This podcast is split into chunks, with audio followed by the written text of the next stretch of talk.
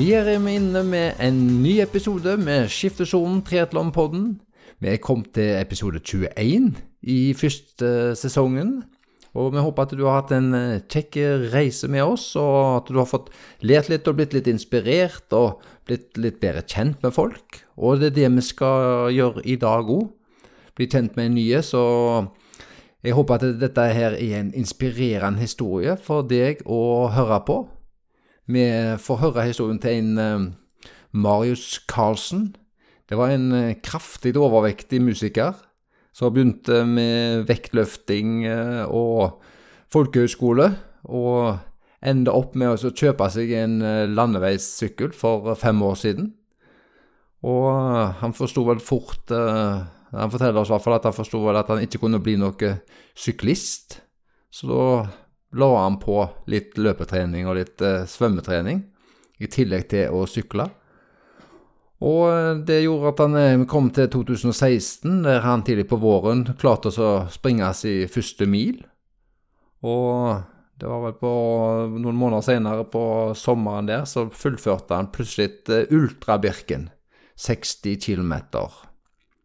Ei uke etter Ultrabirken, på noen såre føtter, så ble det en debut med triatlon. Da var det Rena triatlon. Og det var nok til at eh, hans fascinasjon for eh, sporten skikkelig ble vekka.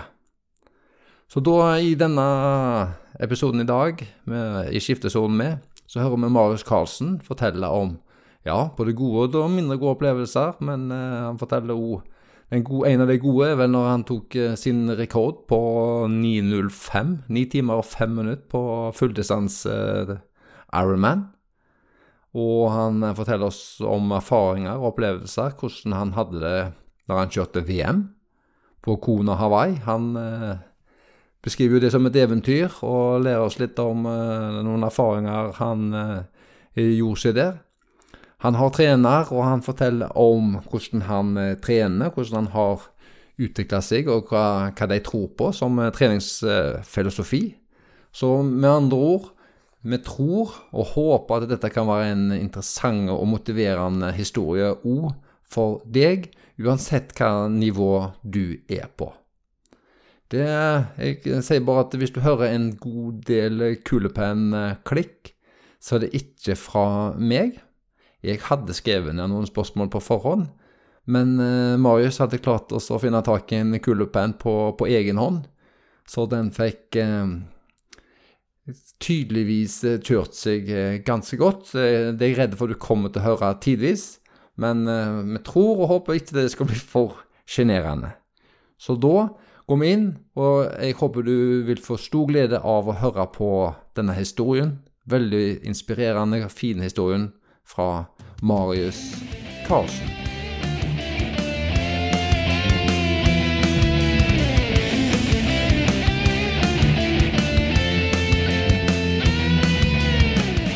Da har vi kommet eh, til en eh, ny episode av denne I skiftesonen med. Eh, og i dag så er det en, en ung herremann der vi fikk en melding inn på Instagram-kontoen vår, Skiftesonen Triatlonpodden, tidlig i november. Det var det en som kaller seg Almerud-lokomotivet, som skrev. Kunne dere laget en episode om Marius Karlsen fra Hamar triatlonklubb? Han har en fascinerende historie om en eh, vektnedgang og gode resultater. Jeg er en høyst middelmådig utøver, men i 2016, tror jeg det var, så tok jeg han igjen på slutten av sykkeldelen på Rena triatlon, iført en flagrende jakke.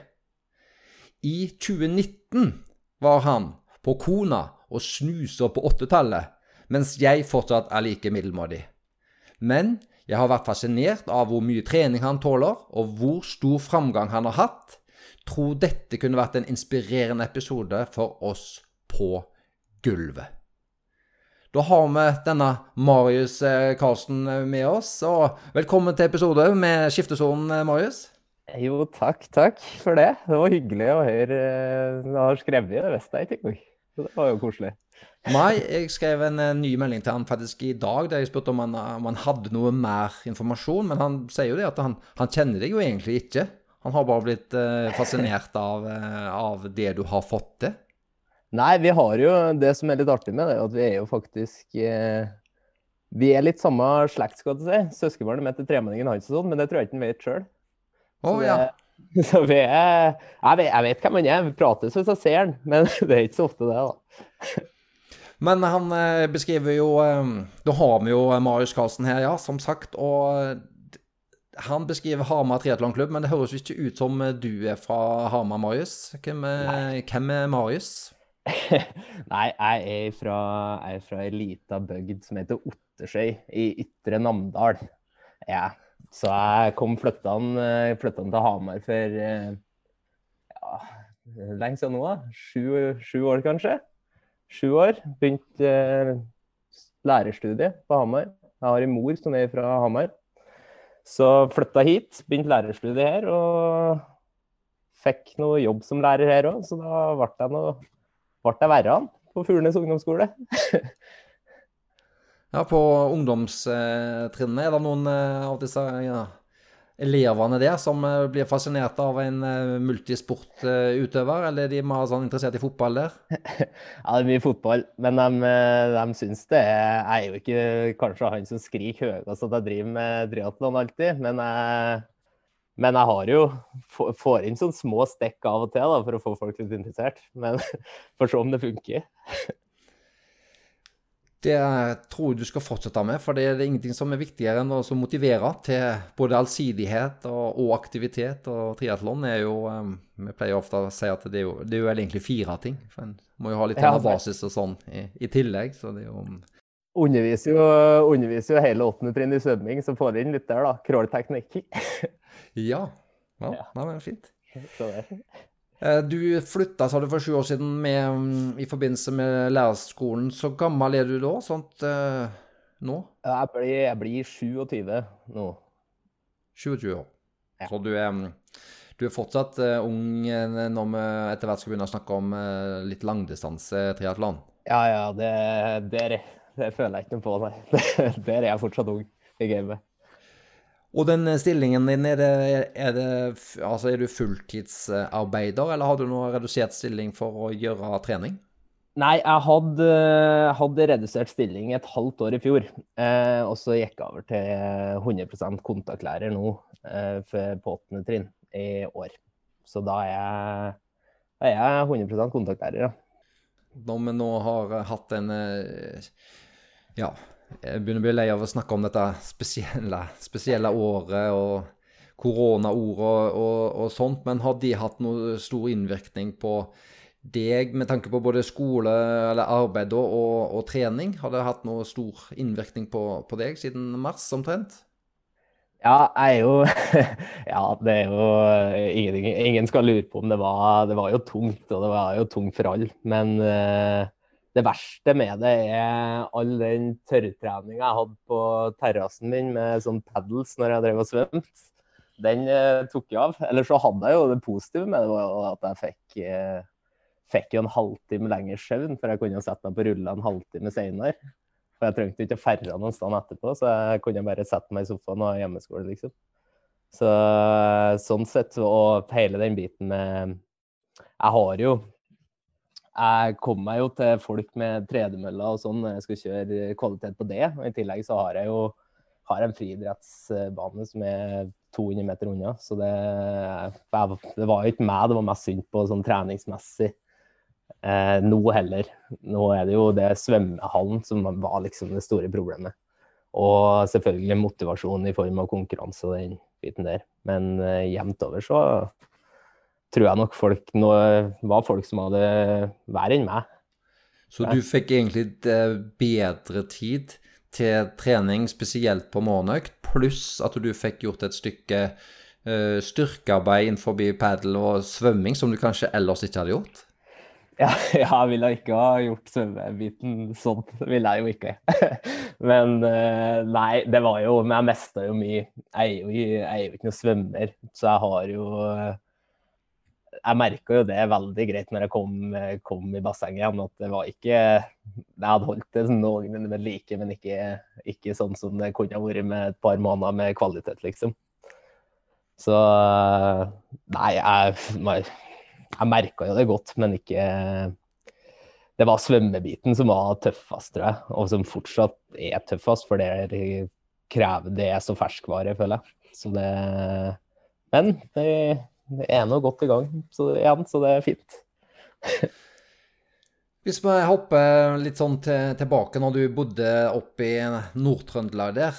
Ja. Um, han um, som skrev inn til oss, han uh, snakker jo om en, uh, en Marius Carlsen som uh, kanskje ikke var i, i, i topp shape når han møtte han. Og sånn bakgrunnsmessig, du, er det idrett eller er det noe annet? Og eventuelt hvilken idrett har du drevet på med? sånt fra barn og ungdom oppover? Ja, jeg har jo en litt sånn rar fortid der, egentlig. Jeg har eh, Jeg som alle andre andre har jo drevet med fotball. Det er jo eh, Er man norsk ungdom, så er det jo fotball man som regel tyr til. Og så er jeg jo fra en liten plass da, som hadde litt begrensa med muligheter. Så det var fotball på ish, i hvert fall. Jeg var jo aldri noe spesielt aktiv, så jeg var spark hardt. Og så var det håndball som var på vinteren, og det et par-tre sesonger. Og så Men jeg var jo Jeg var, jeg var jo vel, kan vel kategorisere meg sjøl under uh, inaktiv. Tror jeg nok vi trygt kan si. Det var liksom musikken som var min store lidenskap. Og så tydde jeg til Så etter ei stund så flytta jeg til Bergen. Eh, først flytta jeg til Namsos og gikk videregående der. Og så ble jeg ferdig i Namsos, og var ganske, var ganske stor når jeg var ferdig på videregående. Var ikke ganske stor, veldig stor. og, så, og så fikk jeg meg, som jeg sier, et fauk eh, i rundt andre, tredjeåret videregående, hvor jeg bestemte meg for at nå må jeg Nei, nå, ikke nødvendigvis nå må jeg gjøre noe, men nå må jeg prøve til treningsbiten og se om det er noe. Så har jeg et treningssenter i Namsos, et basseng. Jeg var ikke i nærheten av å drive med noe basseng da, men eh, som heter Oasen, som er inni et fjell. Veldig, veldig kult. Eh, begynte der. Og uh, på det tyngste da så veide jeg vel opp mot 130 kg, tror jeg. Og så um, begynte jeg å gå ned ganske mye. Og gikk vel ned I løpet av to år der gikk vel ned ja, 50 kilo, kanskje. Og så gikk jeg over til Så begynte jeg på folkehøgskole. Jeg gikk folkehøgskole i Hurdal. Eh, drev med idrett da. Da var jeg tilbake i fotballen igjen. Men allikevel så hadde jeg fått litt smaken på løping og styrkebiten. Flytta til Bergen, og da begynte jeg å satse Eh, styrkeløft. Så jeg drev med styrkeløft et eh, par år der. Og så syntes jeg det ble kjedelig. Og da kjøpte jeg meg landeveissykkel. Og landeveissykkel kjøpte jeg meg i eh, 2015. Jeg har et søskenbarn som var med på Norseman og drev og sa det i hver sånn familiesammenkomst, at Norseman var liksom det tøffeste man kunne gjøre. Og det er jeg jo enig med, jeg, eh, enig med han i, at det er jo det. og så, så bestemte jeg meg ganske tidlig for at eh, dere, sykling var liksom ikke nok. Og jeg har ikke noe sykkelbakgrunn, så jeg skjønte jo at jeg kommer ikke til å bli noen syklist. Så da tenkte jeg hva, hva kan jeg bli noenlunde på, da? Og da kom jeg fram til at triatlon kanskje var en fin måte å starte på. Så fortsatte jeg med styrkeløft og sykling, og så gikk jeg over til å sprenge litt. Og så gikk jeg på crawl-kurs i regi Hamar Triatlon, faktisk. I, da er vi vel nærme oss 2016, sikkert. Nei, 2015 det òg. Må det være. Og så Ja, crawl-kurs. Og så bestemte jeg meg for å sprenge litt mer. Husker jeg sprang min første mil eh, i mars 2016. Og så, og så skulle jeg melde meg på, meldte meg på Wings for Life i Stavanger var en del av uh, Team Garmin der, med han Lars Zakariassen og dem i front. Um, og så Og så meldte jeg meg på Ultrabirken. Og da sprang jeg Ultrabirken. Så jeg gikk fra mila i mars til 60 km i juni. Og da skjønte jeg jo at uh, Jeg var jo helt rasert. Jeg skjønte at uh, skjønt at dette her kanskje jeg kunne, jeg kunne holde ut ganske lenge. jeg holdt ut ganske lenge, så lenge, det gikk ikke så sabla fort. Men jeg holdt på ganske lenge. Og da um, skjønte jeg jo at uh, uka etterpå så var det jo Rena triatlon, da. Og da med en sånn dårlig trekk, gammel, eldgammel trekksykkel som sikkert aldri har bytta verken kje eller kasse.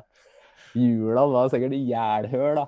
Og så skulle jeg ved og sykle på den der. Fått plussa på et par tempobøyler der ifra, ifra IB eller Wish. Det tror jeg er rart. Som jeg har fått uh, montert på. Og en stor, gul regnjakke, husker jeg. Jeg satt der og sykla og fikk skikkelig skikkelig blod på tann, for det syns jeg var, var kjekt. Og da, da, Men i starten så var jo liksom, så jeg bare Norseman som en greie at uh, vi, må, vi må til Norseman og kjøre den. Men så forandra det seg litt til å begynne hele det Ironman-sirkuset og skjønne at uh, Norseman er jo Norseman, men Hawaii er Hawaii, Hawaii. og da jeg skal, Bare sånn så det skal sies, da. Det er litt, kanskje litt viktig å snakke om det òg. Hele den vektreduksjonen ble jo ikke nødvendigvis gjort på den sunneste måten her i verden. Så det ble, jo, det ble jo veldig mye over veldig kort tid. Og jeg sa vel to år, men det var vel 50 kg på et år der. Og hvis man plusser sammen to pluss to da, så skjønner man at det ikke er helt heldig. Og da er det Så det satt i, satt i lenge, så jeg var jo var jeg en ganske ja, tung i utgangspunktet. Så for meg å veie 60 kg er ikke ideelt på mine 1,86 cm. Også. Så det var sikkert, sikkert mange som har sagt ja, men fint for triatlon, men det er noe med energi ut og energi inn. Men eh, for å følge opp eh, den eh, litt, var det primært mye trening, eller var det kost? Eller jeg vil jo anta at det svaret er begge deler, men hva var fokuset ditt i den vektreduksjonsperioden der? Nei, det var kost, ja. Eh, man kan jo, kan jo, trene så mye men, man bare vil, men eh, selvfølgelig når man har når man uansett er på limiten og rent kostmessig, så er det begrensa hva man får ut av trening uansett. Uh, men uh, det, kost, det, var kostbiten, og når det på en måte Når det blir fokuset, å ta liksom bort hele den Da er ikke, da er ikke idrett artig lenger. Når det er det som på en måte styrer hele greia. Så nå er jeg heldig nok til å være ganske interessert og bli veldig fort fascinert av ting og skal sette meg inn i det og det og det.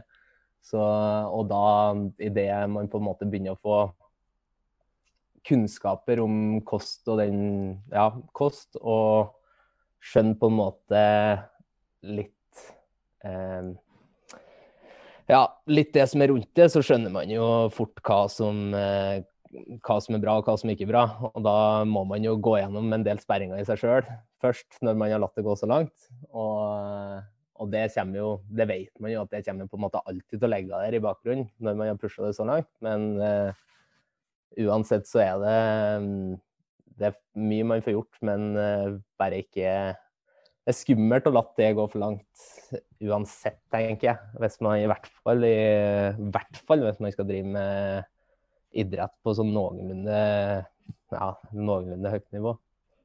Det er jo idrett og triatlon vi skal snakke om, men eh, jeg vet at det er han eh, Mikael Iden som er med i eh, denne podkasten. Han mm. har òg et skjult talent og det er mye med musikk. Og er veldig mm. opptatt av det, og tror han har lyst til å Hadde vært opp til han, så kunne han tenkt seg å gitt ut plate og album, tror jeg. Eh, men det, det, det, dette er hemmelig, så det kan jeg ikke si til noen. Men jeg, jeg hørte at du, du snakker om eh, Du var veldig interessert i musikk. Og jeg får mm. sikkert kjeft hvis jeg ikke følger opp akkurat det som Så interessert var du i musikk, og hva, hva drev du på med? Så for, Nå skal vi bli litt kjent med deg, Marius. Ja, du, jeg har eh, Jeg, var, jeg installerte piano i leiligheten min i går. Og så installerte jeg trommesett i pianoet mitt sist uke. Og så har jeg men er, jeg har gitar og trommer som et hovedinstrument, og så underviser jeg jo musikk på ungdomsskolen. Så jeg har eh, spilt i spilt i en god del band og spiller fortsatt veldig mye, gjør jeg. Så nå har jeg nå kjøpte jeg meg piano eneste grunn for å få inn eh, For at jeg syns at det må jeg kunne, hvis jeg ikke har det, så blir det ikke gjort. Så, men det er Nei, det er mye, mye musikk, så det henger Det står fortsatt enormt høyt i mitt liv, ja. Vil du si at du har eh, studioambisjon-mulighet for å ha i eget hjem? For da tenker jeg også å linke deg og, eh, og, og Mikael i så fall. Ja, ja, kjør på. Nei, jeg, ja, nei, jeg har jo muligheter til ganske mye, ja. Det har jeg vel. Så det er absolutt ambisjon om eh, alltid, Jeg vil nok alltid ha ambisjon om å ta musikken et steg videre. Det har jeg nok. Det er det og det syns jeg Ja, det, da finner jeg nok mest ro av alt når jeg driver med det. Da eh, har jeg konseptet. Da er det Marius Karlsen på trommer, det er Mikael Iden på gitar og Gustav Iden på vokal. Ja, det høres ut som et kjempeband. jeg er klar. Ja, det må jo hete noe med noe tri Altså, det passer jo veldig godt til tri. Tri, Ja, det- Trio eller trigitar. Det, det, Ja, det, det- er jo en bankers. Der har du Det det. jo et kjempekonsept. Det, Der har du det, det må vi bygge på, syns jeg. Ja, den skal vi bygge på. Den skal vi bygge Ja. på. Ja, det er fint. Ja. Eh, Du sa at du var 186. Jeg bare lurer på når vi snakket om det vektgenet eh, altså Nå har jo du vært sunn og trent eh, over mange år. Nå er du 27. Så, så, så mye er du når du er på i eh, sånn noenlunde i sesong, pluss minus? Eh, nei, jeg legger ganske jeg, jeg legger jo ganske jevnt nå, eh, sånn uansett egentlig om jeg er i sesong eller ikke. Men eh, det er jo selvfølgelig så vil det jo skille litt, grann, så jeg er vel ned på um, 8-79 når jeg er på en måte på mitt letteste. Og kanskje en 2-83 når jeg ikke er på mitt letteste. så, så legger jeg vil snitte meg opp til ca. 80. er at eh, jeg finner 80 som i idealvekt. Eh, Det er da jeg på en måte Og jeg har sett at da presterer jeg best. Hvis jeg, har, eh, hvis jeg legger der. Og så hvis jeg går ned så mye mer, så har jeg Så har jeg Så går det ofte litt ut på Det kan godt være det oppi hodet mitt, og det vet jeg ikke, men det går litt utover prestasjonen, syns jeg sjøl. Jeg har, eh, jeg prøvd å være ned i 75 og sånn, men da Jeg får ikke noe bedre resultat ut av det sjøl. Så er det jo klart at det er jo det er jo litt som henger igjen. Og så har jeg henger igjen etter styrkeløfttida.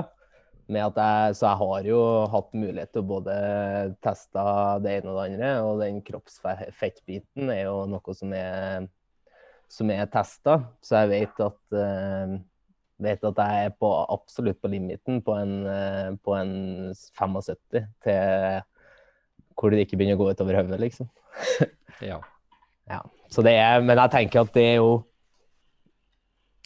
veldig lurt å finne ut da, hvis man skal satse uansett, at det er den biten med, biten med hvor mye Når begynner det på en måte å gå utover prestasjon? Og det er ikke noe mål i seg sjøl, tenker jeg, å være lettest mulig. Da Det så du jo på hele Lionel Sanders-biten, når han pusher vekt, og det er jo ikke helt heldig.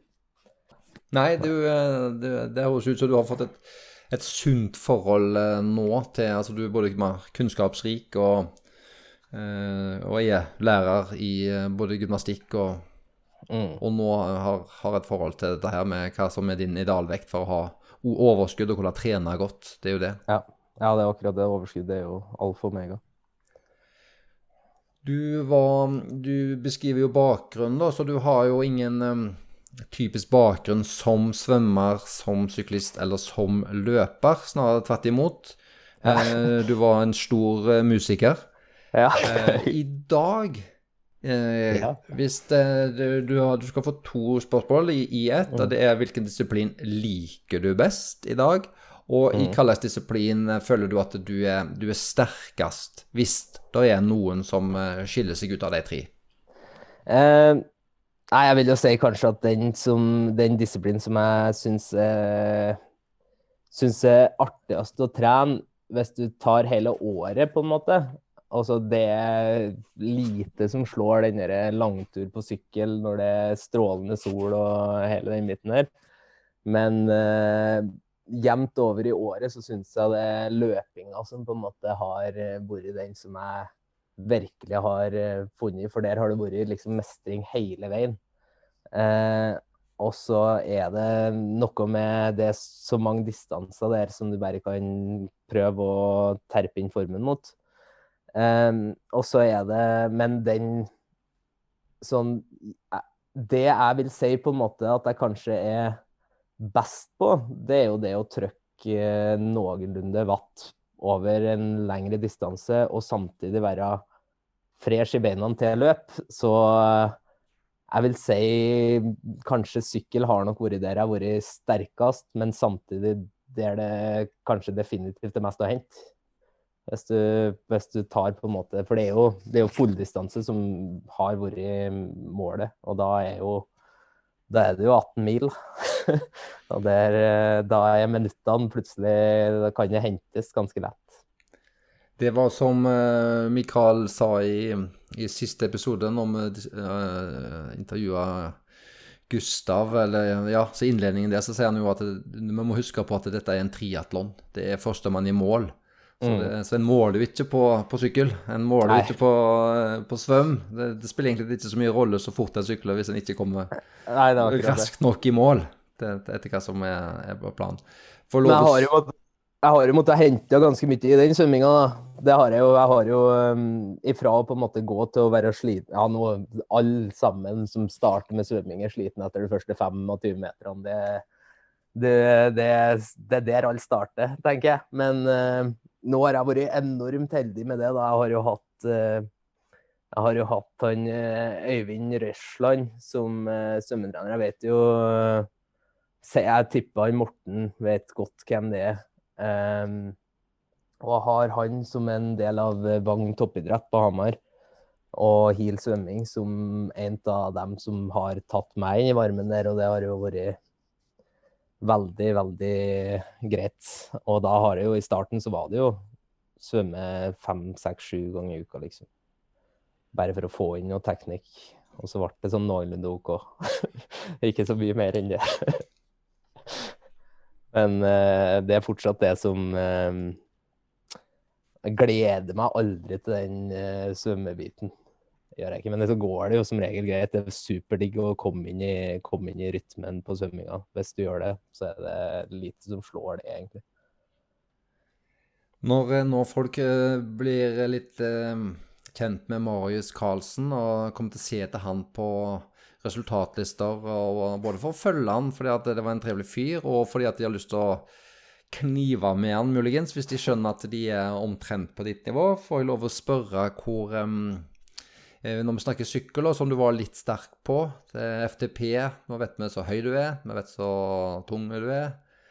Mm. når du da sykler, hva, hva, er din FTP, og hva er det du omtrent snitter på på en eh, fulldistanse? Fordi du snakka jo om at du var ganske utholdende.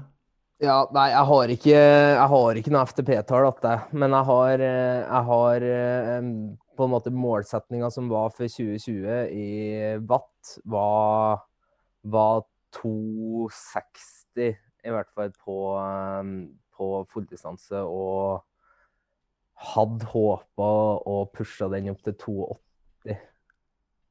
Um, og så så vil vi nå alle vite om det var en realitet eller ikke. Men, men, det var Jeg så absolutt den eh, det som at det kunne være en greie, for jeg følte meg veldig, veldig god på den. Og prøvde, og prøvde å sykle 18-milsturer på, på Swift med 280 eh, watt, og det føltes egentlig veldig greit. Så det var det var det som var målet, og så må man bare leve i trua av at det var en at det hadde kommet til å skje. Han hadde kommet til å være dritgod i 2020 hvis det var, hvis det var konkurranse. ja, men det skal vi tro. Det skal vi tro. Ja, det skal vi tro. Da har jeg lyst til å Vi har jo allerede blitt introdusert nå, eh, den rundt historien din. Eh, vi, jo, vi, hørte jo om den Rena-historien med du i den gule renjakka. som eh, Det var den første triatlonen din. Eh, jeg tror jeg så et eh, bilde fra din eh, Facebook-profil der jeg tror du satt sånn passe sliten med blod Ja, det er Ultrabirken. Ja, det var Ultrabirken, ja. Det var- For det var ei uke før 60 km. Ja, da fikk jeg gnagsår etter ei mil, husker jeg, og så var det igjen fem.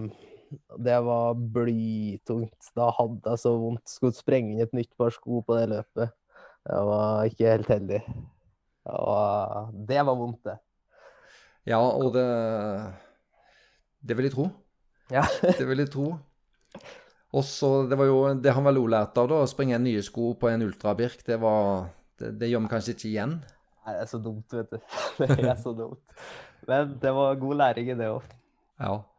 Og til alle de som hører på, det, dette trenger ikke testes. Det, en kan ta det for god fisk. Det Ja, må kan vi gå inn og se det bildet. kan gå inn og se det bildet av beina mine, så ser de at det, hvor lurt det er. Gnagser fra hæl til tå.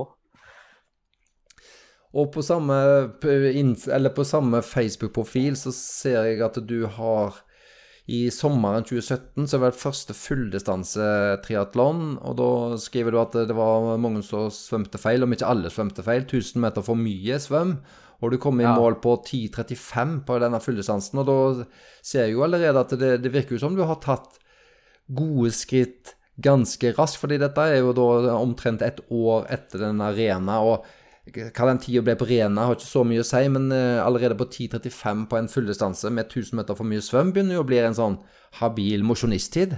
Jeg begynner jo å se litt at uh, når jeg, tenkte, jeg tenkte over det, den konkurransen var veldig, veldig rar. Uh, veldig superfin som første konkurranse. Vi, vi var fem deltakere. Uh, og det var så mye brennmannetter i sjøen. det det var jo min feil at vi svømte feil, for det var jeg som svømte i tet. Så jeg aner ikke. Jeg visste ikke løypa og første politidistansen jeg var med på, så jeg tulla til. Og så fulgte nå dem etter. og jeg var... Nei, kom i, men jeg vet ikke, jeg aner ikke, jeg skjønner ikke hvordan det Jeg hadde ett mål, og det var ikke mest motorsykkelen på sykling, for jeg var i front der. Og det klarte jeg hele de 18 milene. For at jeg ante ikke løypa i det hele tatt. Jeg skjønte at meste, mest er motorsykkelen, så mest da kunne jeg bare gi meg, for da skjønte ikke jeg hvor jeg skulle hen.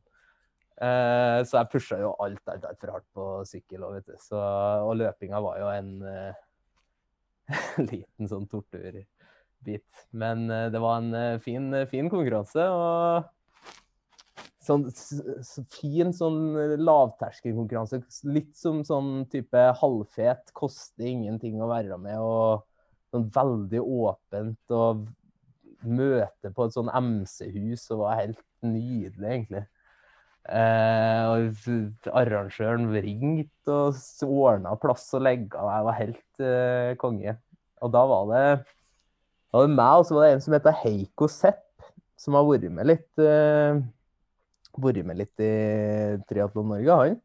Han har gjort det ganske bra òg. Og um, det var vi to som på en måte lå litt og pusha der. Og han tok meg jo veldig greit på løp.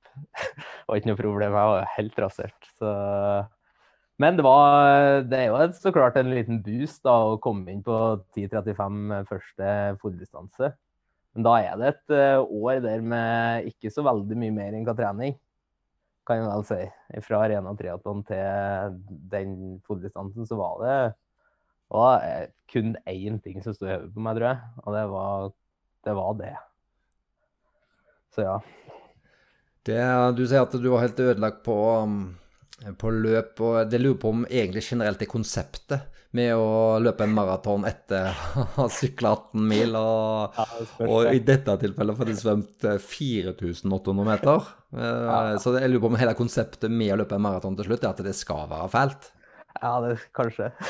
det, jeg har det i hvert fall ikke opplevd at det ikke er fælt. det er jo fint. Men så beit jeg jo meg merke til at eh, ett år etter det igjen, da For da gjorde du Ironman i Haugesund. Du har sikkert vært med på flere ting, men eh, på min dialekt så skjønner du at jeg er litt interessert i Ironman Haugesund 2018. Ja. Eh, da skriver du at du fikk eh, 9,43, så da har du allerede kommet sub 10 timer. Fikk en annenplass i den eh, klassen din, 18 til 24 år. Og etter den eh, konkurransen i Haugesund så var det eh, sikkert en eller annen lokalavis som heter Ytringen. Da vet ikke om det er Hamar, eller om dette her oppe i, oppe i Nord-Trøndelag igjen. Ytterdalen, ja. Ytringen, ja. Ja, Det er, det er lokalt. Ja, for det, da var det det som fanga opp at denne her eh, lokale, lokale sønnen, Marius Karlsen, hadde, hadde gjort noe, noe, noe stort. Og da hadde de vel en kommentar på, eller en intervju med deg der du beskriver at du, du lå på en 800-900 timer trening i året. Ja. Eh, Så da begynner det jo å bli eh, bra prioritet og trøkk på treningen din eh, her.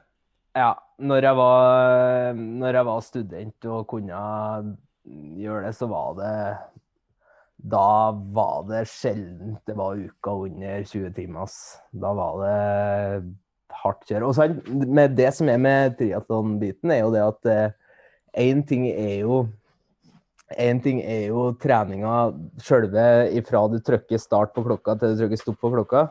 Det er jo så mye mer det er jo det å komme seg ned til Nå skal jeg ikke til Ankerskogen, men til bassenget og komme, komme seg ned og komme seg ned og svømme og ferde på treningssenter og ferde dit. Og, så løpinga er jo det som Det tar jo kortest tid, egentlig. Det er så mye rundt som tar tid.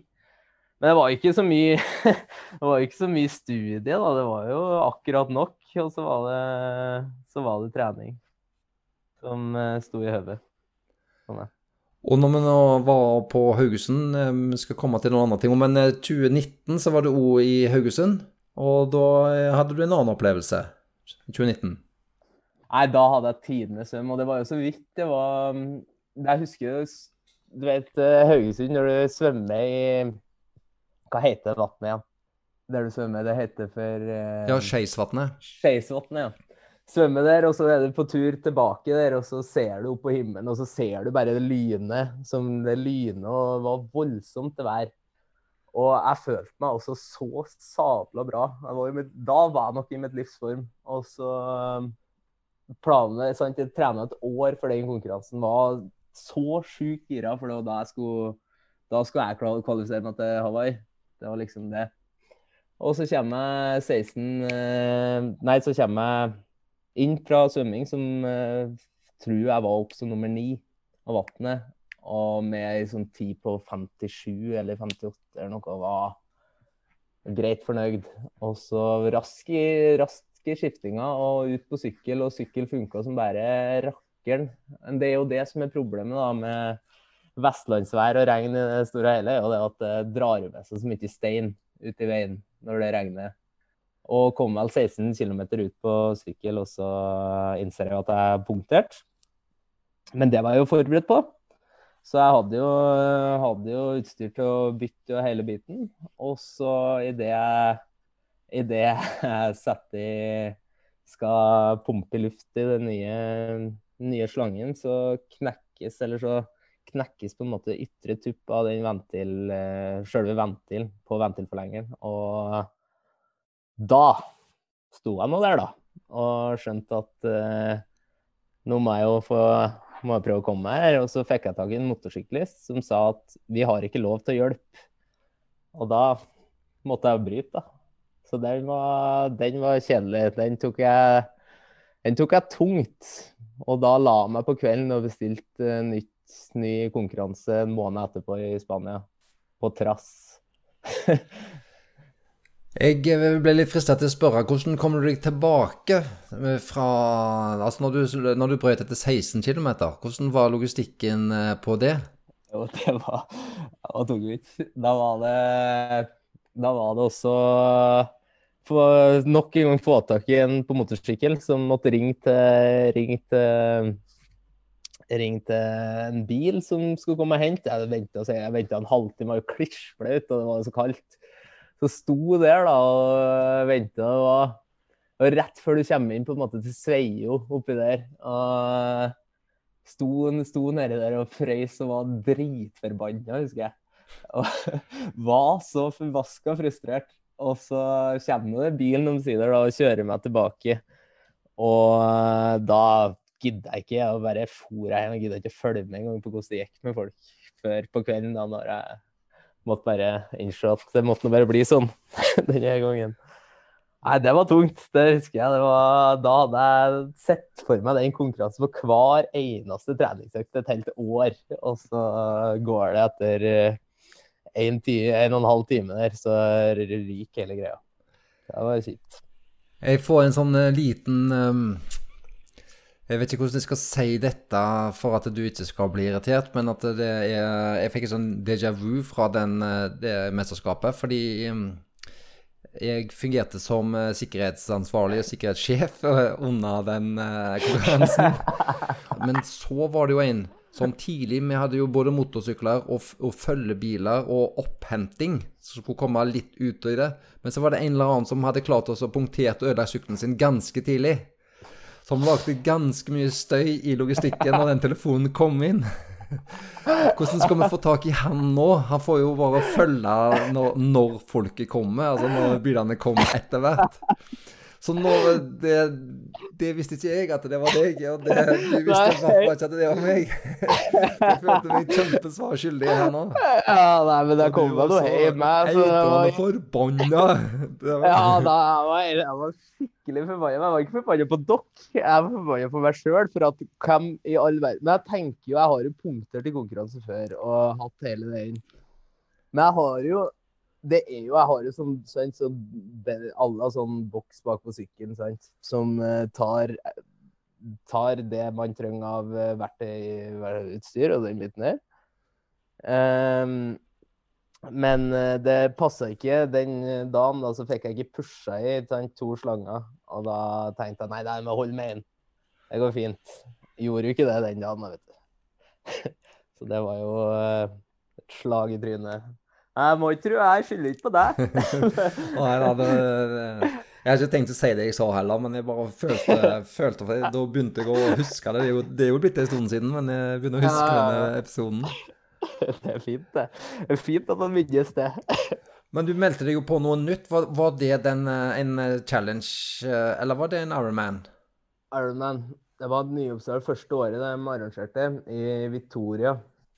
Eh, ikke en time lurer på en time nord for Bilbao i, i Spania. Det var Det er jo selvfølgelig det er jo et lite tips, da. Ikke melde seg på, ikke meld seg på en Ironman-konkurranse med fly og reise og hele biten en tre uker før det skjer. Det er ikke en billig affære. Altså og, Men jeg var da hadde jeg gått skikkelig inn i meg, så da tenkte jeg at da må bare, nå må jeg bare få på en måte utløp for den formen som er bygd opp. Det gjorde jeg jo ikke, da. Det skal sies. Jeg gikk jo på en storsmell. Og da gikk jeg jo på min første skikkelig ernæringssmell. Eh, hvor jeg virkelig, virkelig fikk det, fikk det der. Hadde en ganske Ja, sykla feil gjorde jeg òg, så sykla vel en 8-10 kilometer for mye feil retning, og så måtte jeg snu og ta den. Og så, ja, det var fin, veldig, veldig veldig fin konkurranse, også, men eh, jeg var Jeg tulla det til for meg sjøl der på ernæringsbiten på sykkel og fikk det skikkelig på løp. Men så fikk jeg jo orden på det òg, da. Det var jo det var jo bare å gjøre litt forarbeid der, så hadde det kunnet gått òg. Men jeg så at du gjorde en fulldistanse i Kalmar i august 2019. Kan det stemme? Men når, når kommer dette da i forhold av de andre tingene? Med, du har Haugesund, og så har du den du sa. Fordi den Kalmar kjørte du på ni timer og fem minutter. Ja, da, da stemte jeg da jeg kjørte jo Jeg var, hadde jo et voldsomt uh, konkurranseregime her. Jeg kjørte, jeg kjørte challenge uh, Challenge Mogan Gran Canaria i i eh, april, tror jeg. April eller mai. Og, nei, april, ja. Og så kjørte jeg Haugesund, som var vel ja, hva det hadde passert juli, da, eller var det i starten? Det var sannsynligvis i månedsskiftet. Det var kanskje første eller siste dagen ja. i juni, eller ja, månedsskiftet.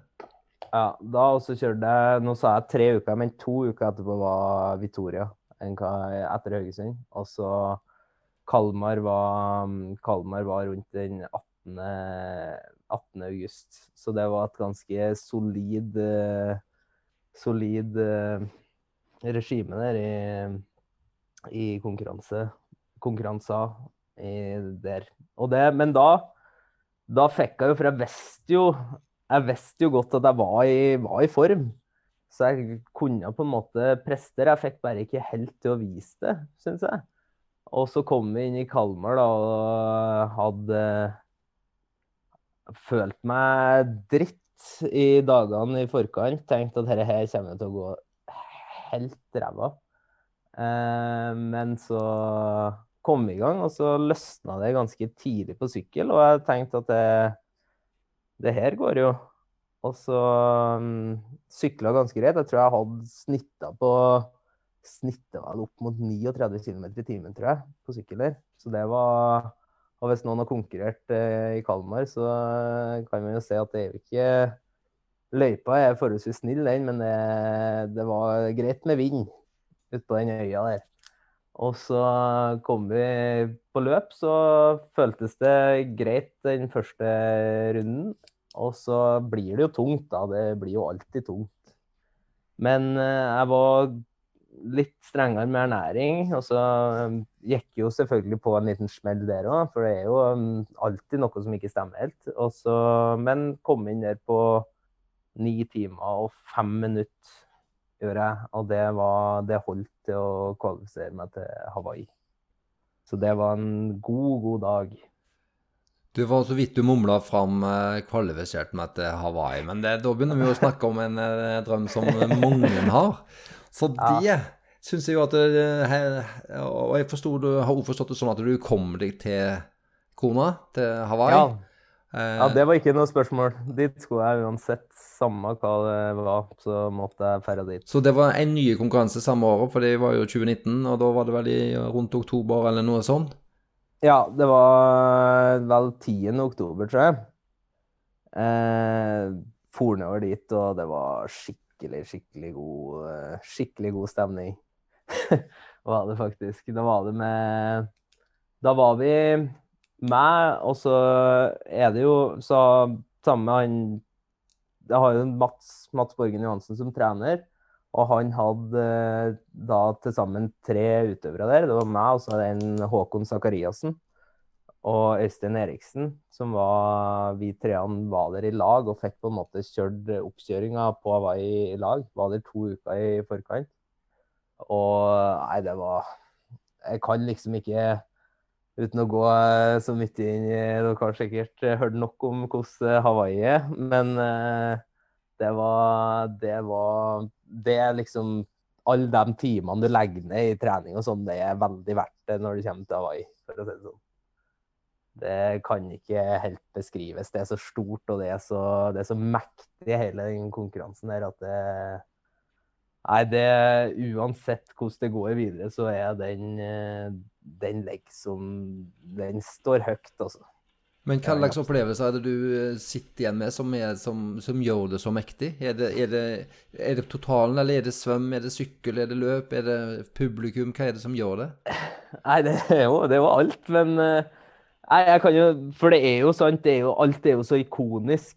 Det er jo hvis du hvis du er på en uh, Ironman-konkurranse i ja, Hvis du f.eks. har konkurrert i Haugesund og sånn, så får du og Haugesund eller Kalmar eller Spania eller hvor du nå er, så får du liksom Du får bare brøkdeler av hvor stort det sirkuset er. Og så er det sant, du sjekker inn sykkelen din og får med deg en person som følger deg hele veien, og så står plutselig så står uh, står uh, Keenly rett attmed deg, og du går inn Så, så sykler jeg på sykla i år på Quintanaru og går inn der og får Quintanaru-skjorta av folkene som driver Quintanaru. Nei, er Og så er det jo svømminga, sant. Du er jo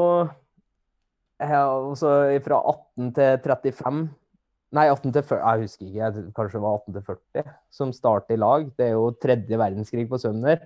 Lurer jo på om du skal overleve. Svømme med, svømme med skilpadder som svømmer under deg, og fiskestimer og fullstendig kaos samtidig som det er så sjukt digg. Og så er det jo syklinga, da, som er Det det er jo noe for seg sjøl. Det er jo drømmeveier. Og gloende varmt. Når jeg og jeg, sjøl om jeg er fra litt samme klima som Haugesund, så er det jo likevel deilig å konkurrere når det er litt varmt. Tenker du jo helt til du kommer til løp, da, hvor det ikke er så deilig lenger. Men eh, nei, det er svært det. Så, og så er det jo sånn, da konkurrerer du med de beste. da. Og du får jo, du jo målt deg på en helt annen måte. Du slipper å lure på ja, men hva hvis han var der, eller hva hvis hun var der. så er det jo Nei, hele den biten der Det er så stort.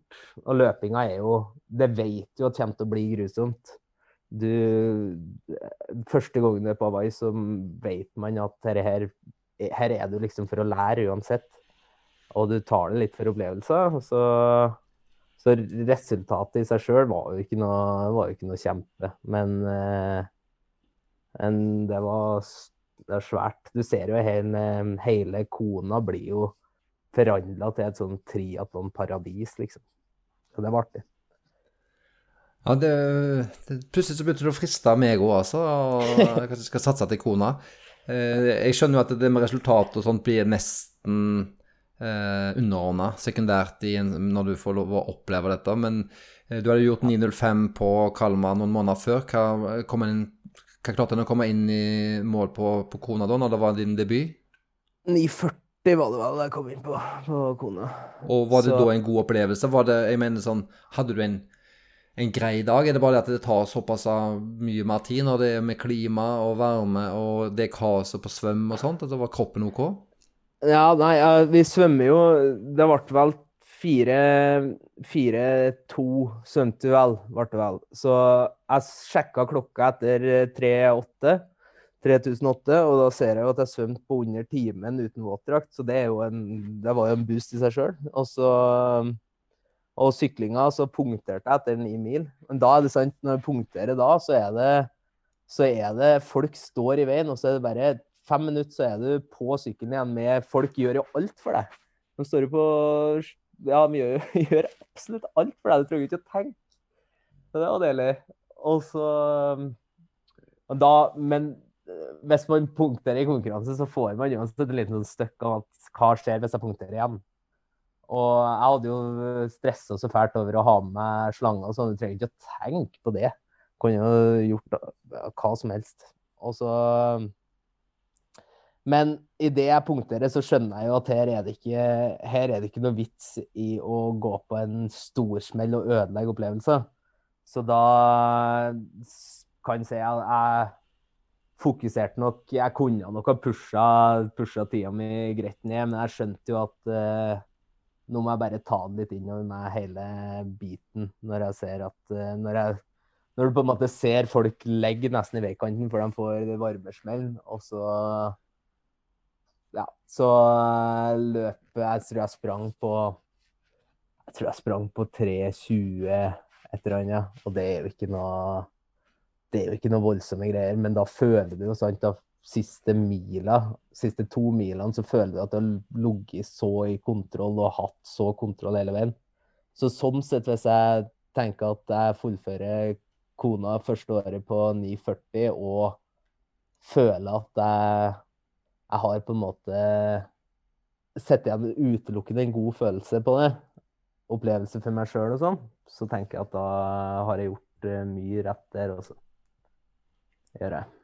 Så oppsummert så var det da en uh, musiker på 130 kilo som uh, endte på Kona, kjørte 940 og kvalifiserte seg i Kalmar på 905. Så det er jo en historie som jeg tenker at han hadde litt rett, han som skrev inn, at det, det kan være en, en motivasjon for at alle kan hvis de syns det, det Altså, de må, jeg må jo ha lyst og synes at det er trivelig å trene, og jeg må, jeg må, like å trene, men at det på en måte det er jo masse gode opplevelser du har fått tatt med deg underveis i denne reisen, Marius? Ja, absolutt. Men jeg tror jo det er litt den nøkkelen du ser der, den biten med at du må ha lyst. For eh, det er ikke, det er ikke en idrett man kan tvinge seg til å eh, drive med. Det er såpass mye som en ting er du, du skal ikke føle at du gjør noe stort uh, offer med det du driver med, men uh, du, skal, du, skal ville, du skal ha lyst, og du må synes det er kjekt. Og synes det er kjekt, så er det jo det letteste i hele verden, og du får jo sett hele verden hvis du vil. Og får møtt så mye bra folk og så mange bra miljø. Så det absolutt, absolutt anbefaler. Og det er jo som jeg det er jo en sånn ting som jeg sier til, sier til de elevene mine, at uh, når, hvis jeg klarer det, så klarer det alle. da folk har betydelig bedre forutsetninger enn meg. Nei, ja, Du har i hvert fall gjort eh, mye rett, og du har kost deg underveis. Du sa jo litt om um, svømmetider på i hvert fall på fulldistanse 3008. Du sa noe om uh, FTP, sykkel og ambisjon. Uh, mm. de, når du er ute og løper, har du For å få litt inntrykk Du hadde jo løpt 3.20 ca. På, på Kona, men 10 km eh, halv og hel, har du noe sånn Har du løpt deg isolert noen gang, eller er det kun i forbindelse med triatlon? Jeg har eh, Nei, 10 km har jeg sprunget litt. Da Nei, jeg er jo jeg er veldig lite kjapp. Jeg har eh, Persen min ligger på ca. 35 på 10. Eh, og så har jeg Og så skoa var på, var på perseløpet og skulle sprenge, prøve meg på maraton der. Eh, og hadde, hadde målet der å legge på ca. 3,58 i snitt. Eh, 3,58 på kilometer så ikke slutte på 3,58. Eh, og da Da skar det seg, skar det seg akillesen min, så jeg måtte uh, bryte etter halve. Men da lå jeg, lå jeg veldig kontrollert på 3,58, så slutta vi på halv, der ble 3,58. Eller så er jeg jeg prata med han, eh, prater jo med treneren min og hele den biten der om hva på en måte potensialet ligger på på hel og halv. Så jeg vet jo sånn cirka, jeg merker jo på trening hva jeg kan. Og um, jeg ser at jeg tipper hvis jeg skulle ha trena litt sånn mot, mot et eller annet, så har jeg vel ligget på Hva var det vi sa, da? Tre Nei, en 18 kanskje når jeg var på mitt beste på halv, og ca. fire Nei, ca. to Ja, 2,42-2,43 på maraton, hvis det var bare maraton. Men eh, Og jeg vet jo jeg, jeg vet jo hva jeg har eh, inn, men jeg har liksom ikke fenga meg helt det Det maratonkjøret har ikke fenga meg. Jeg har vært veldig interessert i ultraløp, så jeg har vært, en del, eh, vært med på litt ultraløp. Prøvde meg på Bislett 24 et par ganger, og litt sånne ting. Og det det er litt mer, eh, litt mer meg, for jeg vet jo at jeg kommer å sprenge Jeg kommer aldri til å sprenge et maraton på 2,20. Og det har jeg slått meg litt til ro med. så da er det artigere å kunne sprenge, sprenge langt. Men så langt kan en komme på 24 timer på Bislett innendørs, tenker du? Nei, det er jo det. Jeg, jo, jeg møtte jo, Første gangen jeg møtte på Bislett, så møtte jeg jo totalt uten, uh, uten noen forberedelse. Så jeg hadde jo ikke jeg vet ikke om jeg hadde sagt det til treneren min heller, at jeg skulle være med. Men det jeg vet jo at hvis jeg sa det, så var jo ikke det alltid så godt tatt imot.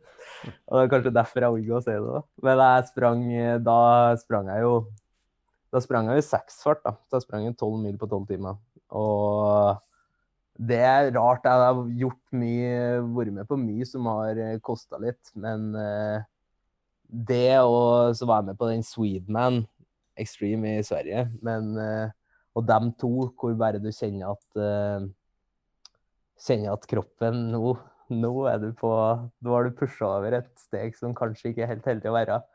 Og da bryter I hvert fall på Bislett så brøt det totalt sammen hele kroppen. Og det var litt deilig å kjenne på det, men, men da var jeg jo ute av vanlig trening, løpetrening, lenge. Så det Når det er på en måte triatlon som var målet, så var ikke den Bislett-biten uten forberedelsen og helt heldig. Vil det si at du stoppa på tolv mil på tolv timer? Jeg, jeg stoppa på tolv mil, ja. ja. Gjør jeg. Og det Det er noe med alt sånn ultraløp og triatlon generelt. og at hvis du, hvis du begynner å tenke på at kanskje det var ideelt å gi seg, kanskje jeg skal det, ja, jeg gjør det. Så da, da, er, det, da er det stopp uansett, for da, da gir kroppen seg òg. Og med en gang kroppen gir seg, så har du ikke, da finnes det ikke motivasjon i verden til å få henta inn det, tror jeg. Men du, skriver, du eh, forteller om han eh, Mats eh, som, som er trener, og hun fulgte dere ned til Kona og var med der. Dere var tre utøvere. Og... Ja, han var ikke med til Kona, men han var, han var, med, var med, på, var med på mail. han var med, ja, fordi det jeg lurer på, er jo hva så, så tett oppfølging Så lenge har du hatt han? Eh, og så mye oppfølging Hva type oppfølging er det du har av han? Har han alt, eh, alt programmet ditt, eller er det, han, er det bare hans coach, veileder, eller hva forhold har du til han, og hvordan jobber du med han? Du, han eh, meldte jeg på en måte Når jeg var ferdig med Rena og skjønte at herre her, herre skal jeg gjøre mer av, da kontakta jeg Da var jeg veldig sånn Jeg er litt sånn sånn type at jeg undersøker ganske heftig på mye forskjellig. Og fant ut at Så sendte jeg en mail til, mail til Robust Coaching, som det heter, og sa at uh, jeg vil, jeg vil, ha Jeg vil gjerne jobbe med dere hvis jeg får jobbe med Mats. For da har jeg hørt Mats, for han hadde sant uh, Han hadde Lars Christian Wold og Christian Horn og sånn, som var liksom I 2016 så var jo dem the shit. så det og drev jo sant og så filmer av Norseman på repeat sant, på rulla. Og så jeg tenkte at uh, jeg, Mats, Mats ville jeg ha. Og så kom vi i kontakt med Mats, og ble jo uh, Har jobba med han egentlig helt siden, og det, liksom, har fungert kjempefint. Og så får jeg Da har jeg fått månedlig program. Han er, han er litt glad i de utøverne som på en måte klarer å ikke klarer å på en måte um, ta Jeg får på en måte forslag, da, kan du si. Og jeg følger jo den slavisk som som det går. Men hvis det er noe som stopper meg å gjøre det, så kan jeg på en måte gjøre noe alternativ. Hvis totalbelastninga blir for stor og hele den biten der, så er det det. Og så og ja, jobber med han siden 2016. Og er det det som er det beste med hele greia, er at hvis det har vært hva enn det har vært, og det har vært mye, så kunne jeg alltid, enten om jeg ringte han eller sendt mail eller melding eller et eller annet som har gjort at han eh, sagt at du, det er sånn, er, eller jeg har vondt her, hva gjør jeg? Jo, du gjør det og det og det. OK, så gjør jeg det, og så blir det greit. Så det er jo så er Det er jo En ting er jo på en måte den biten med er det verdt det å ha trener som mange stør meg. For det, å ha trener koster jo penger.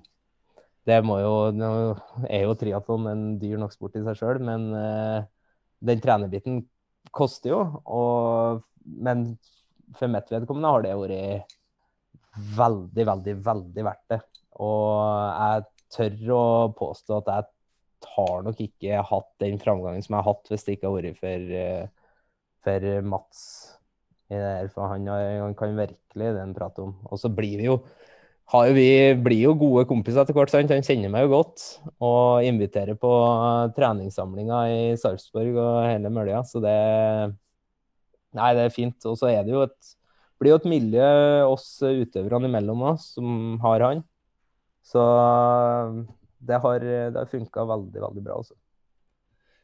Eh, hva tenker du er den typiske treningsfilosofien eh, hans eh, opp imot eh, trening? Fordi du, du, beskriver jo at det er lange, litt lengre lengre løp, og du er ikke så rask og sånt, men er det det det går Er det mye lav intensitet og, og, og langt? Hvordan er filosofien og tankegangen på hans trening mot deg? Ja, han har Vi kjører, vi opererer med litt sånn Jeg kaller det fargekode, men type type rød uke, grønn uke og gul uke. Så er jo rød uke tung uke, da. Men eh, da går det det er, mye, det er mye langkjøring, det er det. Mye langkjøring, mye sone 1. Men vi har òg skal vi se, ei vanlig grønn uke. Svømminga er jo Der er det jo innslag av intervall nesten hver eneste økt. Eh, på et eller annet vis. Så det, om det er 10 ganger 100, om det er om det er Nei, unnskyld, nå tuller jeg. Jeg har ei uke, en dag i uka uansett som går til teknikk og drills og hele den biten der. Men uh, mye, mye typisk sånn fire til seks ganger 500 meter og litt sånne ting. Som jeg er veldig glad i. Og det tror jeg jo Mats vet at jeg er glad i. For han spør jo alltid hva jeg liker, jeg, da. Og da er det det jeg liker. da får jeg det. Eh, eller så er det, er det kanskje to, um, to intervalløkter i uka på løp på ei grønn uke, og ei intervall, litt lengre intervalløkt på sykkel. Eh, som er på en måte litt den standarden. Jeg har, eh, jeg har hatt delvis sånn tretimersøkter på sykkel med innlagte, innlagte ja, tre, fire, fem, seks ganger 20 minutter. da, I sånn mye sone tre. Eh, og typisk konkurransefart og den biten der. Nå er jo jeg, jeg vært veldig glad i de eh, brick-øktene som vi har kjørt, og syns det har vært lykka på jord. Eh, men eh, det jeg er også jeg er den, jeg er glad i den biten hvor du kan trene, trene langt og litt sånn halvhardt. I hvert fall med innslag av litt halvharde ting. Så de langøktene på sykkel med noen innlagte lange drag, det passer meg utmerket. Men du, når du beskriver grønn og gul og rød, er det sånn at det er en, eh, altså en grønn uke, gul uke og rød uke i den rekkefølgen? Nei, det bytter litt, eh, bytter litt, da. Så jeg har, eh, så jeg har plutselig det rød uke.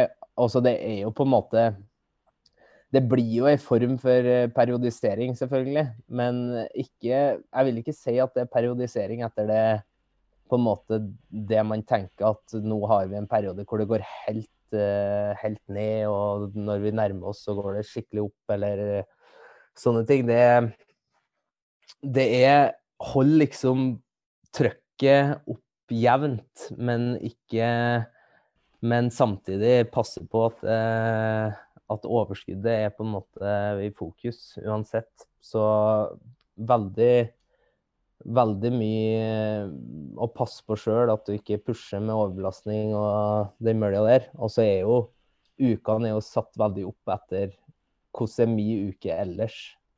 Og så da er det jo på en måte umulig å få til noe Når man er i jobb, så er det jo umulig å få til å få til å legge opp et løp som er veldig A4.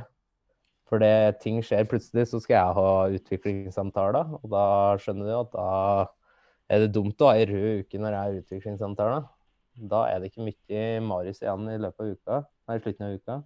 Så, det, så han tilpasser veldig etter det. Men så er det jo, er det jo viktig, da, når det, når det blir gjort, er det jo veldig viktig å ha en dialog med en som gjør at, uh, som gjør at det blir gjort blir gjort riktig òg, at du er ærlig i tilbakemeldingene. At nå er det for mye. Og passe på at når du har ledig tid, da, at du da òg får eh, satt, satt, inn de øktene som blir eh, som blir vektig. Eller på en måte det lange kvalitetsøktene som kanskje koster for mye på ei veldig travel uke. Men vil jeg si at du har flest grønne uker i praksis?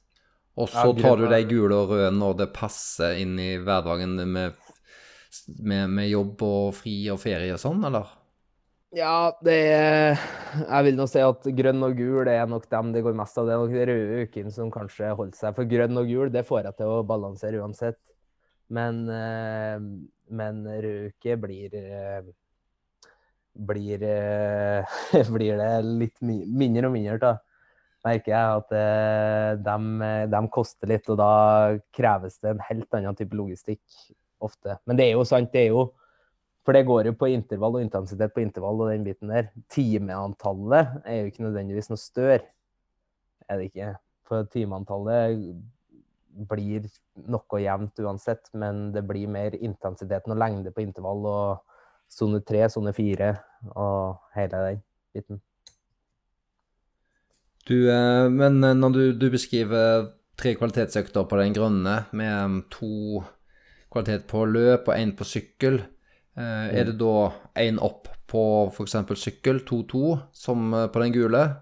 Eller er det rett og slett bare intensitet og draglengde som, som skilles ja, på, fra grønn gul? Hvis vi tar den grønne f.eks., har Nei, den gule, mener jeg. Der har vi intervalløkt på på, ehm, på søndag, som er fire ganger 15 minutter. Og eh, i tillegg da legg, legg 120 minutter med fire ganger 15. Og så har du òg i tillegg da tre timers økt på sykkel dagen før, i tillegg til 50 minutter løp. Og etterpå 60 minutter langkjøring på løp rolig etter den fire ganger 15. Så, det så totalbelastninga der blir jo ganske stor. Og i tillegg har du ti ganger 1000 på løp på torsdag og og en og en halv time sykkel. Og, og Så det er på en måte gul uke, så går det det er jevnt over mer, mer, mengde og litt lengre draglengde, men intervallantallet er likt på dem, ser jeg nå. Så det går, det går mer på intensiteten i intervallene. Men vil det si at du uh, Har du prioritet på de kvalitetsøktene på intervaller mer på løp enn sykkel? Altså sykkel er mer um, langkjøring med innslag av um, litt uh, intensitet, uh, litt drag i langkjøringen? Eller er det like mye intervaller på, på sykkel som, som løp i løpet av uka? Ja, det, er, det ligger ca. likt. Jeg har, jeg har, vel jevnt over hatt uh, bare én intervalløkt på sykkel. da. Så i uka som er på en måte uh, ja, én til to. Men uh, jeg har prøvd å holde meg til én, og den har jeg brukt og kjørt på søndag. For da, liksom, da, har jeg fått lørdagen til å hvile meg skikkelig, og sagt at søndag er en fin dag å ha det på.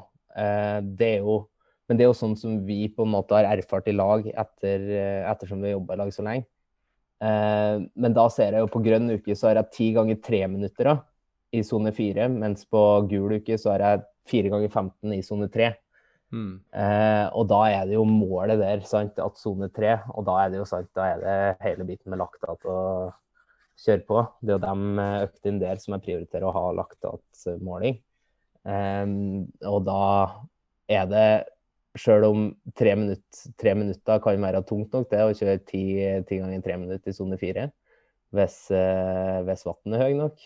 Og samme med, samme med samme med på sykkel Nei, samme med fire ganger 15 blir jo også, kan jo òg være tungt. Det er jo veldig etter dagsformen, så målet her er jo å være superfresh på søndag. Men er du det at du bruker laktatmåling og sånt, eller er det på puls eh, det meste? Jeg bruker Jeg er ikke han som bruker laktatmåler for alt det er verdt her i verden. Altså, jeg er jo ikke, jeg er jo ikke heldig nok til å ha Olympiatoppen bak meg. Så jeg, det, den biten må jeg stå for sjøl. Eh, men jeg er jo Jeg syns jo som sagt at sånne ting er sjukt eh, interessant. Så Og så er det Jeg begynte å bruke laktatmåler for eh, et par år siden, vel.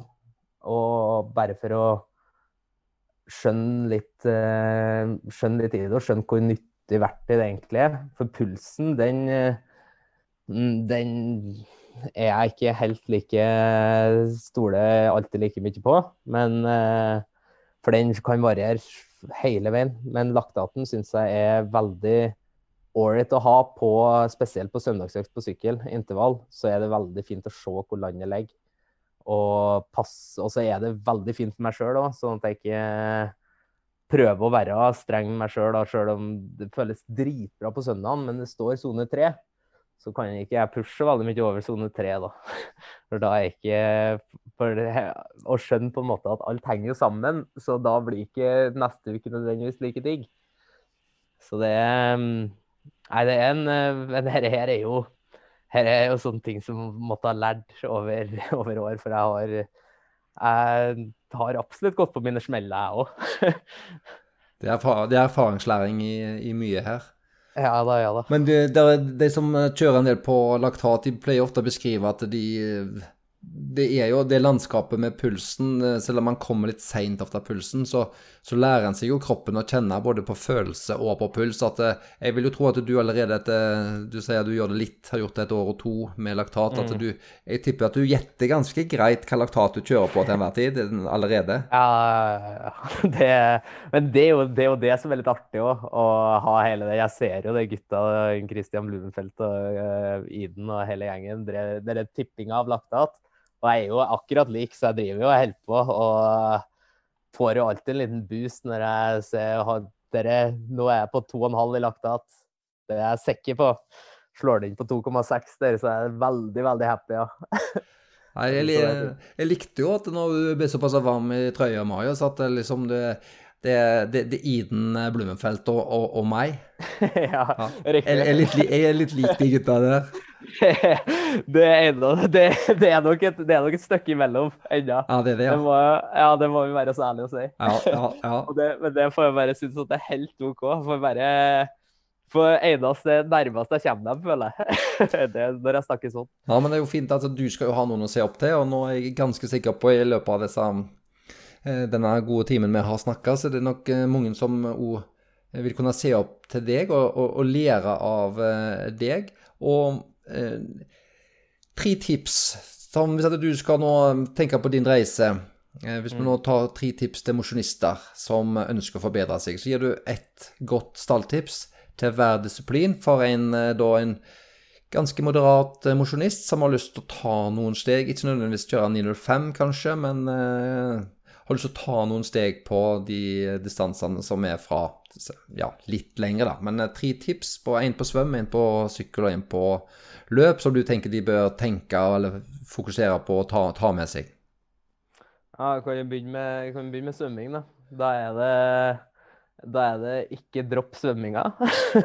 den, den er grei. Selv om det frister veldig mange, sikkert veldig ofte, å si at nei, men det er ikke så farlig. Så jo, det er, det er farlig. Det er det nok en del som kjenner seg igjen. Den satte seg i kula, det tipset der. ja, det, og det kjenner vi oss alle igjen på. Nei, sykkel så er det Så er det Jeg vil jo Jeg vil jo eh, ikke nødvendigvis uh, si få deg wattmåler, men uh, jeg kan si så mye som at uh, bli kjent med bli kjent med hva du tåler på sykkel, og, og jobbe ut ifra det, og ikke nødvendigvis se på de, eh, dem eh, proffene og tenke at dit skal jeg. For det er det er, det er skummelt, å, skummelt å sammenligne seg med dem ofte. Å gå ut på sykkel, gå ut på sykkel med 340 watt er ikke alltid like heldig. I hvert fall ikke på fulldistanse. Da blir det tungt. Så det å bli kjent med hva en tåler For det er jo litt, eh, vi ser jo at det er jo litt matematikk. Altså hvis Ja. at du sykler 250, så, så klarer du to Du ligger pluss-minus eh, 5 watt på en god og en dårlig dag, og det, det er liksom, du, Ja. du klarer ikke 40 ekstra fordi om du er vanvittig gira i det feltet. Nei, og har du noen wattmåler, så, og du vet at eh, du vet at du takler 240, 240 watt på en fulldistanse, så ikke da tenk at i dag føles som en dritbra dag, så i dag kjører jeg på 260. For da får du det på løp. Det er, Mer enn hva det er matematikk. Litt mer matematikk, dette her, faktisk. Ja. Ja. Nei, og eh, løping er jo det, og um, da drar jeg inn at eh, selvfølgelig å bli jobb eh, Få variere litt underlag. Eh, pass på at du ikke tar alle øktene dine på mølla. Pass på at du òg får brukt til å trene opp hamstringen. Og for at å bli skada i hamstring er ikke veldig kjekt. Så eh, ta Jeg husker jeg fant skikkelig vi har, vi har en plass ute her, eh, Ottestad. Ottestad Ottestadstien. Og blir glad i å sprenge litt eh, i skogen òg. Og få variere, og ikke nødvendigvis være så opphengt i at du skal sprenge 4,40 på kilometeren hver eneste økt. For det er rolig for meg. Sant? Mm. Så eh, se heller litt, eh, litt gleden i å være ut. For det er jo tross alt det som er det kjekkeste. Å få brukt kroppen sin ut. Ja, jeg synes det var veldig fine svar, Marius. Jeg skal ta med meg alle de tre tipsene. Eh, Jeg skal fortsette å skulke litt svømming en periode til, men Ja, det må du det kanskje. skal følge litt senere, og så skal jeg ta med meg de to andre tingene. Ja, det er bra. Marius, eh, nå nærmer vi oss å gå inn for landing, men eh, ambisjonene dine Nå trener jo du Altså, du, du beskriver at du er i full jobb, men du har tre, Mm. trener, eh, Mm. og du får gjort ganske mye bra kvalitetstrening.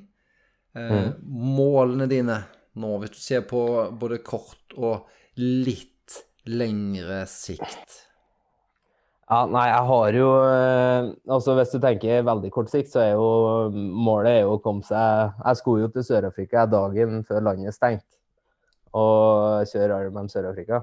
Eh, så det er jo eh, Første målet der er å komme inn dit. Eh, men nå så vi at det har blitt utsatt til november igjen, så det blir jo tungt å få det som første mål. Da tipper jeg jo at min første konkurranse blir, eh, blir eh, Samarin, Slovakia, og kjøre challenge der. Som er, er, i, er i, mai, tror jeg. Eh, og forhåpentligvis da få kjørt halvfet i år igjen. Fin, fin, fin konkurranse.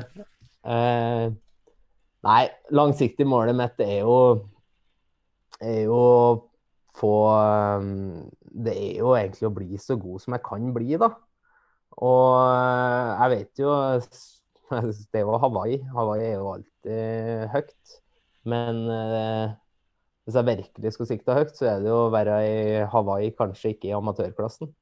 Så er jo den veien er jo veldig, veldig, veldig lang. Og da må det tas uh, diverse grep i eget liv òg for å komme dit. Men det hvem vet hva tida bringer.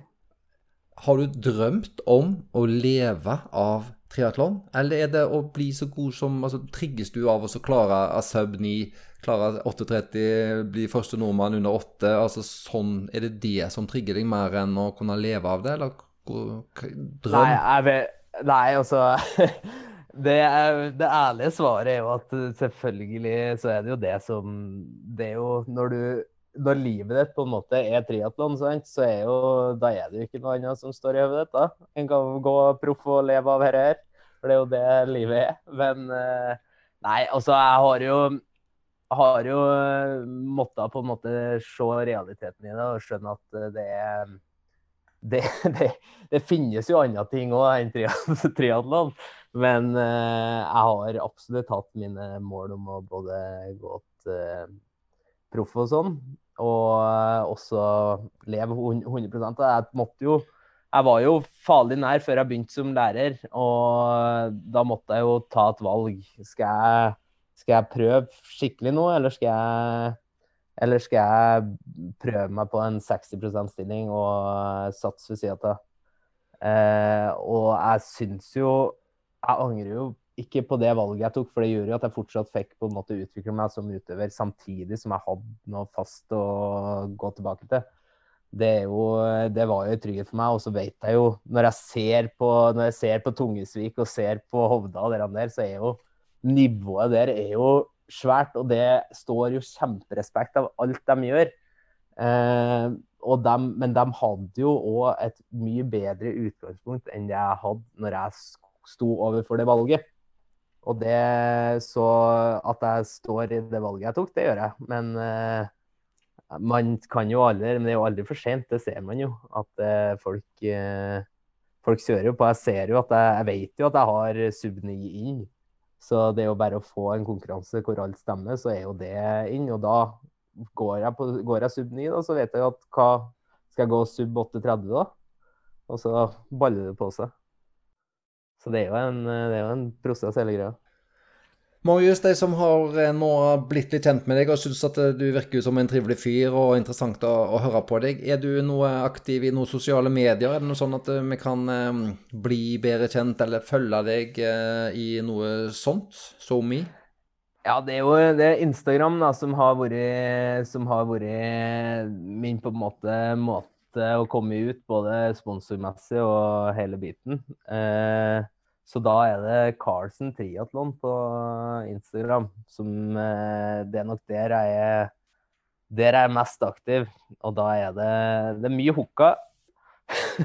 jeg brenner, brenner for hooka, så det Nei, det er der jeg, der jeg, som regel poster når det er noe som skjer. Så er det, ellers så er det race reports på Facebook som har vært min greie. Og ingen YouTube-kanal ennå. Vi hadde jo nettopp en episode med vekting og vurdering av YouTube-kanaler. Jeg kan ikke huske at vi hadde en Marius Karlsen der.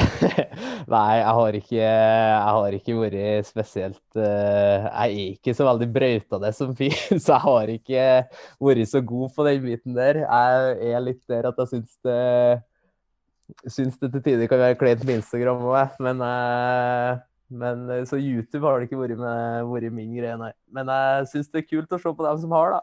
Så jeg følger jo med, jeg følger jo med på Blummenfelt sin, uh, sin YouTube-kanal. Det syns jeg er dritartig. ja, og du har jo allerede i dag likestilt deg litt. Om det var jo, det var jo Blummenfelt og Iden og, og deg. Eh, og nå har du snakka det litt sjøl opp. Og da vil jeg avslutningsvis utfordre deg, Marius. Fordi at det nevnte Blummenfelt er jo høvdingen på gode historier og vitser i denne podkasten. Han har jo dratt til. Vi har jo prøvd å utfordre Gustav. Han er litt mer forsiktig med vitsene sine.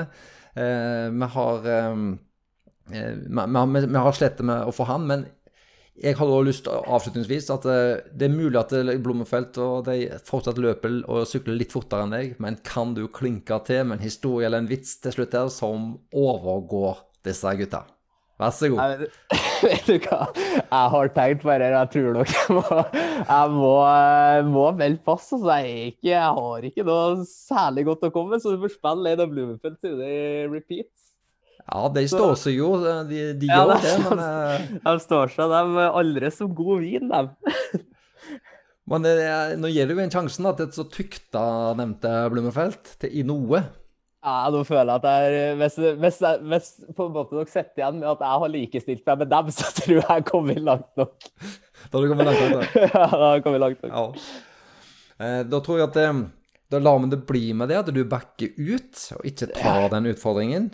Eh, jeg håper da at eh, de som hører på, som er potensielle nye gjester i eh, denne podkasten, tar det litt inn over seg at det er en fare for at du blir utfordra, og at du blir eh, målt opp mot Christian Blummenfelt og hans repertoar av gode historier og vitser. Så da, da er det sagt til framtidige podkastgjester. Eh, Marius, det var en fornøyelse å få lære deg å kjenne. Eh, få høre hvordan du eh, har kommet inn i sporten. Hvordan du har gått fra å ha en mindre god fysikk til å få en eh, veldig god fysikk. Hvordan du har blitt glad i sporten. Og det, det gleder jo oss andre som er glad i sporten, at du har, har sett, sett, det fine med den. Jeg håper at dette her har vært til motivasjon, både for de ganske aktive, men ikke minst de som er mindre aktive. og får, får, lyst til å bli mer aktiv, men like mye å følge sporten vår i, i konkurranser og det som skjer. Hvis du følger Skiftesonen eh, Triatlonpodden på Instagram og du lytter på, så skal nå vi forsøke å holde deg best mulig oppdatert og orientert om det som skjer. Marius, tusen takk for at du tok deg tid til å være med oss. Det var jeg håper du òg syns det har vært greit å få lov å fortelle, selv om du ikke var så brautende som du sa. ja, nei, det var veldig kjekt å få være med. Det var veldig fint. Så takk for det. Da lar vi det bli med det. Tusen takk for oss.